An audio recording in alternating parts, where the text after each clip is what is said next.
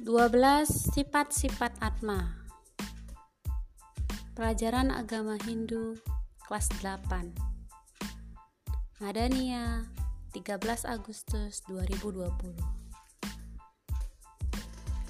Terdapat 12 sifat-sifat Atma yang tertuang dalam kitab suci Bhagavad Gita yaitu 1.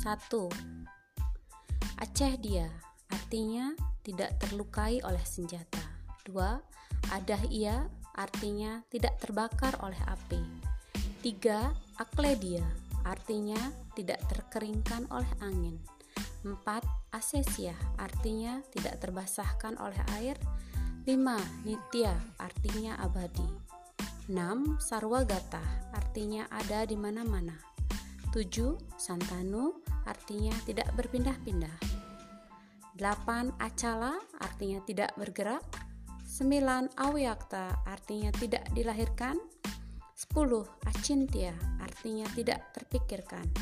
11 awikara artinya tidak berubah. 12 sanatana artinya selalu sama dan kekal abadi. Demikianlah ke-12 sifat-sifat Atma yang harus kita pahami. Sifat-sifat Atma memiliki hal yang sama dengan sifat-sifat Brahman. Brahman, Atman, Aikyam.